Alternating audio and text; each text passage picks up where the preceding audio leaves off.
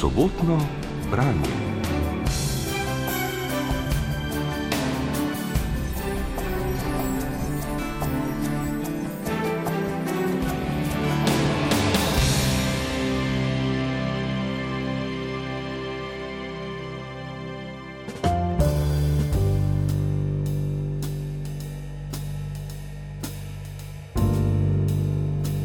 Bilo je okrog 11. dopoledne, sredi oktobra.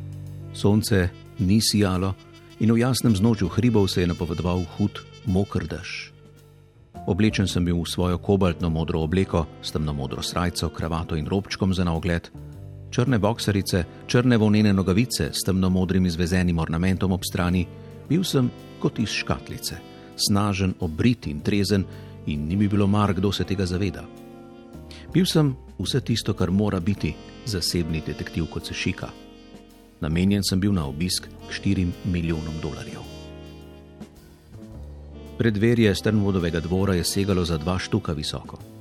Nad vhodnimi vrati, skozi katera bi lahko vstopilo krdelo indijskih slonov, je široko panelno okno iz barvastega stekla prikazovalo viteza v temnem oklepu, kako rešuje gospico, ki je bila privezana k drevesu in ni imela na sebi nič, kar bi jo skrilo pred pogledi, če ne štejem zelo dolgih las, ki so prišli zelo prav.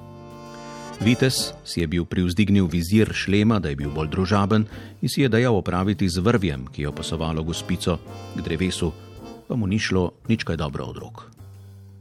Obstal sem in pomislil, da bi, če bi jaz prebival v tej hiši, moral prej ali slej splezati tja gor, da mu priskočim na pomoč. Ni kazalo, da bi si zares prizadeval.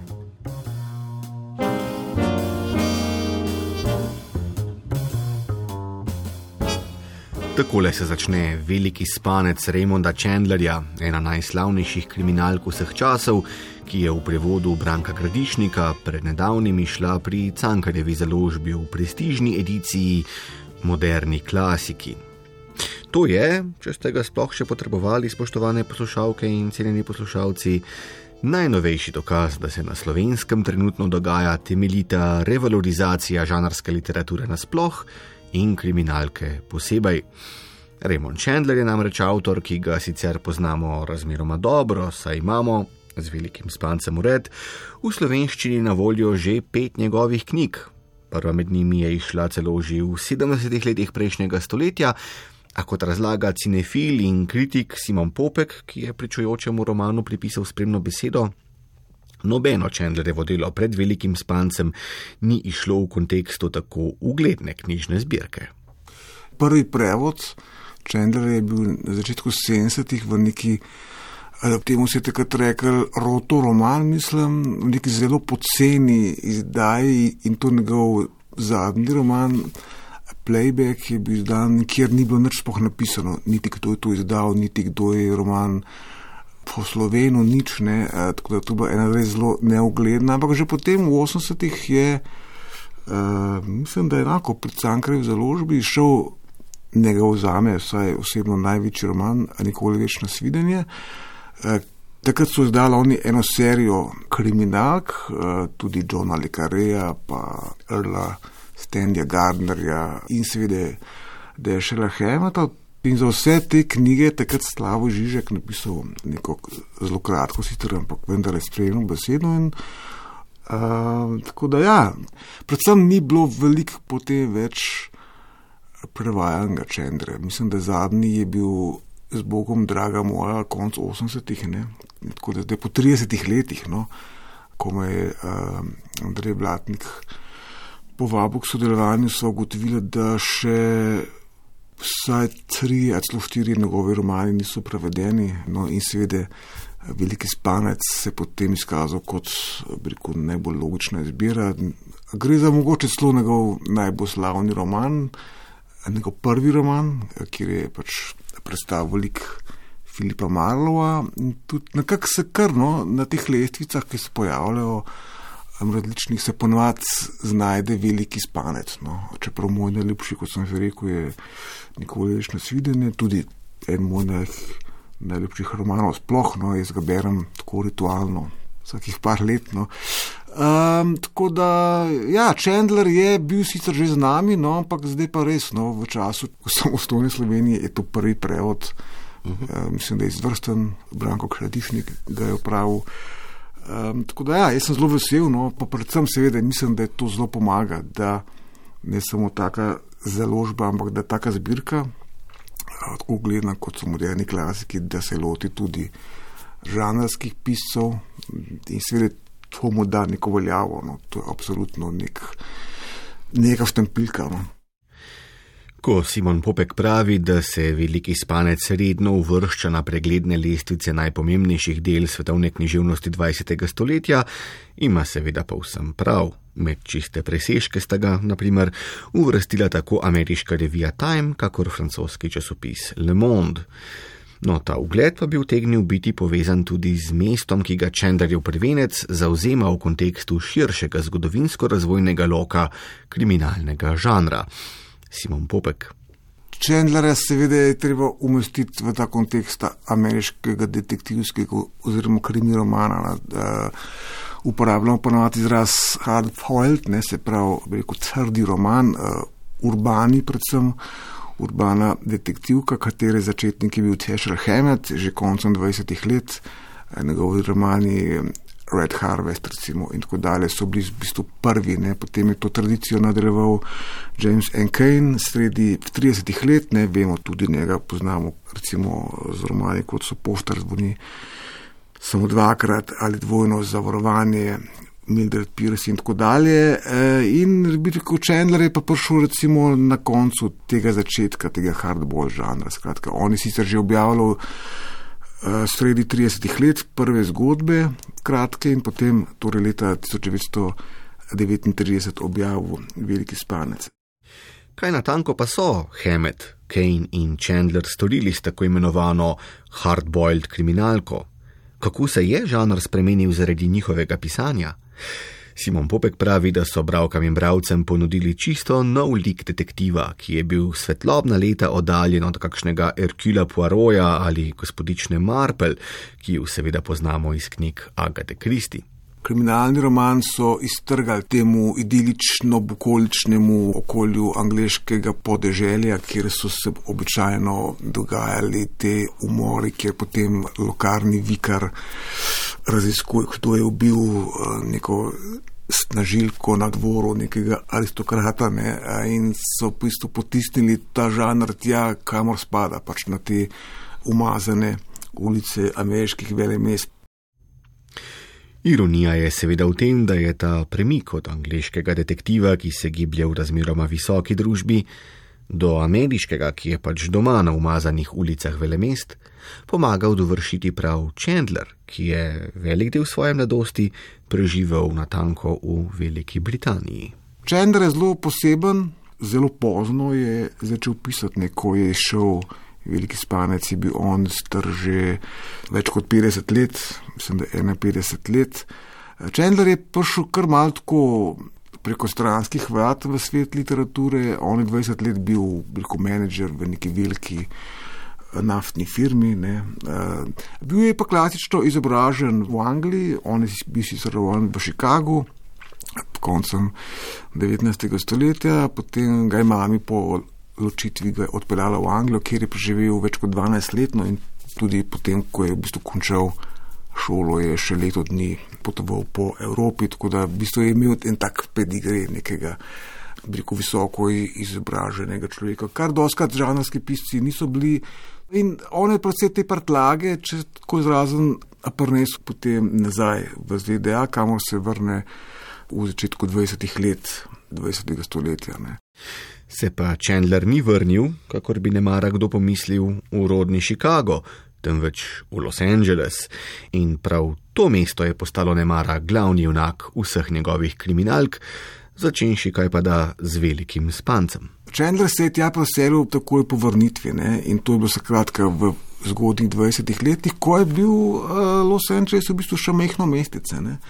To je sopadalo tudi z razvojem filmske kulture. Vemo, da takrat se ameriški študiji, ki so bili prej locirani na vzhodu, ne, se tam po koncu Prve svetovne vojne preselijo na zahodno obalo in v Los Angelesu se potem rodi Hollywood. Ne, in, v bistvu, Los Angeles je takrat v zelo kratkem času doživel eksplozijo razvoja, ne, v bistvu iz tega nekega malega, zaspanega eh, mesteca, v bistvu smoče 100 tisoč prebivalci, se je v desetletju to razbohotlo v milijonsko mesto in seveda, kot tako mesto se tako hitro razvija, seveda se tudi potem zelo hitro nasedi tam kriminal, korupcija in svet. Chandler je, je dobesedno spremljal v ta razvoj. Skratka, on, ko se je vrnil, je prišel iz tega angliškega miljeja v to brutalno, hitro razvijajoče se okolico Los Angelesa, širšega Los Angelesa. Ne? In seveda on je to spremljal iz prve roke in to je bilo odlično izhodišče tudi za njegove zgodbe. Pa ne gre samo za to, da bi Chandler v mestu, kjer skokovito gospodarsko rast in populacijsko eksplozijo, prav nič presenetljivo spremljata korupcija in kriminal, našel obilo zanimive snovi, ki jo je potem lahko obdeloval v svojih romanih. Ne, Chandler je bil po besedah Simona Popka pisec, ki je z občutkom znal ustvariti tudi atmosfero von Los Angelesa, tako da se lahko bralke in bralci na vse zadnje polno potopimo v Chandlerjev literarni svet. Pač on zelo bogato piše, on predvsem zelo sedi, zelo čuhovit avtor, um, reko žmohtno, kot se izrazimo. Um, in to so kompletni romani. No, dejansko tukaj ti čutiš ta Los Angeles, ta švic, to uh, poletno temperaturo, to betonsko džunglo. Ne, in uh, tega doskrat ni. Eh, ne samo pri sodobnih romanih, ampak tudi na splošno. Tukaj roman dejansko diha z mestom, v katerem se odvija. In seveda Chandler, ki je poznal Los Angeles do obisti, je seveda to v bistvu oneko, da bi verjetno pisal neko dnevniško zapise iz lastne izkušnje. Ne? Tako da dejansko je Los Angeles je protagonist. A naj je Chandlerjevo popisovanje Los Angelesa še tako pretanjeno in doživeto, bi bravk in bravcev menda ne prepričal, če jim na vse zadnje ne bi ugajal Filip Marlow, cinično duhoviti detektiv, ki ga Chandler vrže v drobovje kalifornijskega velemesta in mu naloži kopico težkih primerov, ki jih je treba razrešiti. Pri tem pa Popek prostodušno priznava, da Chandlerjev Marlow nikakor nikak angelček zasebni detektiv za sebe, da bo kadil, da bo pil, oprezal za ženskami. Malo so seveda, oziroma čenderi so seveda tudi učitali seksizem, uh, seveda iz te današnje perspektive, absolutno je ne, veliko nek uh, mačistični detektiv, ki se znebi tudi marsikatere uh, takega mizoginega komentarja, ampak seveda takšna je bila Amerika v 30-ih letih in v 40-ih letih. Se pač on bi nam podajal neko lažno sliko ne, te dane Amerike. Morate vedeti, da Chandler je bil uh, velik, uh, bil puritanec, ne, da ni bil veren človek, bil je pa človek, ki je bil celo življenje vezan na eno žensko. Tako da on je bil absolutno tak, kar bi rekel, čistunski človek. Recimo, jaz sem zdaj prebral, uh, meni je dolgo časa ležala na knjižni policiji njegova. Eh, biografija in ko to bereš, to je kar malo dolg čas. V bistvu vidiš, da se on si, as, as si čender zasluži neko biografijo, če bi tako dolgočasno življenje. Ne? On je bil, v bistvu je zanimivo, sem predvsem zaradi tega vidika njegovega sodelovanja v Hollywoodu, ne, njega so seveda zelo hitro povabili potem v Hollywoodski studiji. Predvsem je predeloval romane tujih piscev, ne, eh, najbolj znamenito je sodelovanje z Billyjem Wilderjem za dvojno zavarovanje, ko sta skupaj predelala roman Jamesa M. Kena, kar je interesantno. Ne, uh, Chandler je zaničeval Kena, on je doskrat javno izrazil svoje, rekel, ja, dobesedno zaničevanje. Ampak iz tega je nastal potem en najboljših filmov noir vseh časov, ne? torej film z Barbara Stanwyck in Fredom McMurrayem. Tako da, ja, toliko kot, recimo, če tu vsaj še deloma osvetlim Čendrevo eh, zasebno življenje. Ne? No, ko je beseda že nanesla na film, velja omeniti, da je v znameniti filmski priredbi Velikega spanca iz leta 1946 Marlova igral veliki Humphrey Bogart, za katerega se takoli tako zdi, da je bil naravno strojen za igranje junakov, kakršen je Chandlerjev detektiv, se pravi navzven ležernih, ciničnih in malce zagrenjenih ki pa navznoter vendarle premorejo vest oziroma dovolj trden moralni kompas, s katerim se, ob pomoči cigaret, viskija, humorja in seksa, kaj pa da, nekako prebijajo skozi etično sivo pokrajino Amerike 30. in 40. let 20. stoletja. Ni čudno, skratka, da je Filip Marlow očaral generacije bravk in bravcev, tudi prvi vtis je morda najpomembnejši in Marlow se prvikrat pojavi prav v velikem spancu. Zato se seveda velja vprašati, zakaj pravzaprav gre v tem romanu, kakšno zgodbo tu napleta Chandler, kakšen primer mora Marlow razrešiti. Ja, to je zanimivo vprašanje. to je zelo kompliciran roman, ki ga res treba brati zelo pozorno. No. Osnovni, seveda, osnovni ta poriv, če se tako izrazim, torej osnovna naloga, ki jo dobi Filip Marlow, je to, da ga ta polkovnik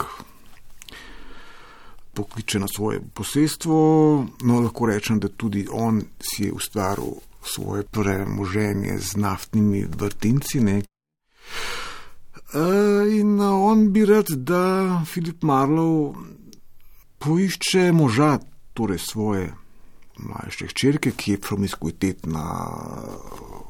In torej ta njen mož, ki ga je on imel zelo rad, nenadoma zgine in seveda, da bi on to našel. Ne. In potem seveda se ta drobec, na ta iskrica začne, kot je pečendere navadna, zelo bohotiti. In seveda potem tukaj pridemo do enega velikega števila uh, pod, pod uh, rekel, zapletov. Tako ne. Uh, Ki jih zdaj res ne bi začel, ker potem se bom še sam zgubil in bom seveda tudi sam preveč izdal. Ampak seveda, kot je pričendaril navada, ko neka mala, nedolžna naloga postane nekaj zelo kompleksnega, zelo neki big picture te pač Los Angeleske družbe. Torej, Marlo je imel največkrat opravka z nekimi bogatimi ljudmi, nekimi novorišne liki, ki so nenadoma obogatili, torej kot je bilo tudi v tem primeru pač naftne vrtine so nenadoma in potem seveda to sproducira neke zakonske krize teh bogatih, pa amrazvajne otroke, kot je v tem primeru. Seveda potem se Marlo zaplete s starejšo hčerko, ki jo igra Lauren Bacon. Čeprav se mu tudi mlada neprestano meče v naroče, že dogosedno v prvi sceni, ne, kot dogosedno veliko lažno omedli v njegovih rokah. Skratka, no. Um, in potem to postane ja, ena zelo komplicirana zgodba, seveda s Los Angeleskim kriminalom, s policijo, z javnimi tožilci. Da, še sam bi rekel, pa sem ta roman bral petkrat, zdaj le dvomim, če bi mi nekdo rekel, da ne napišem natančno obnovo, jaz te ne bi znal napisati, ne, ker je tok enih odvodov. Ne, Ja, nič, če velikega spanca ni mogoče na hitro obnoviti, vam, spoštovane poslušalke in cenjeni poslušalci, najbrž preostane samo eno, da roman preberete. Tako je napet, da vam, verjemite, ne bo žal.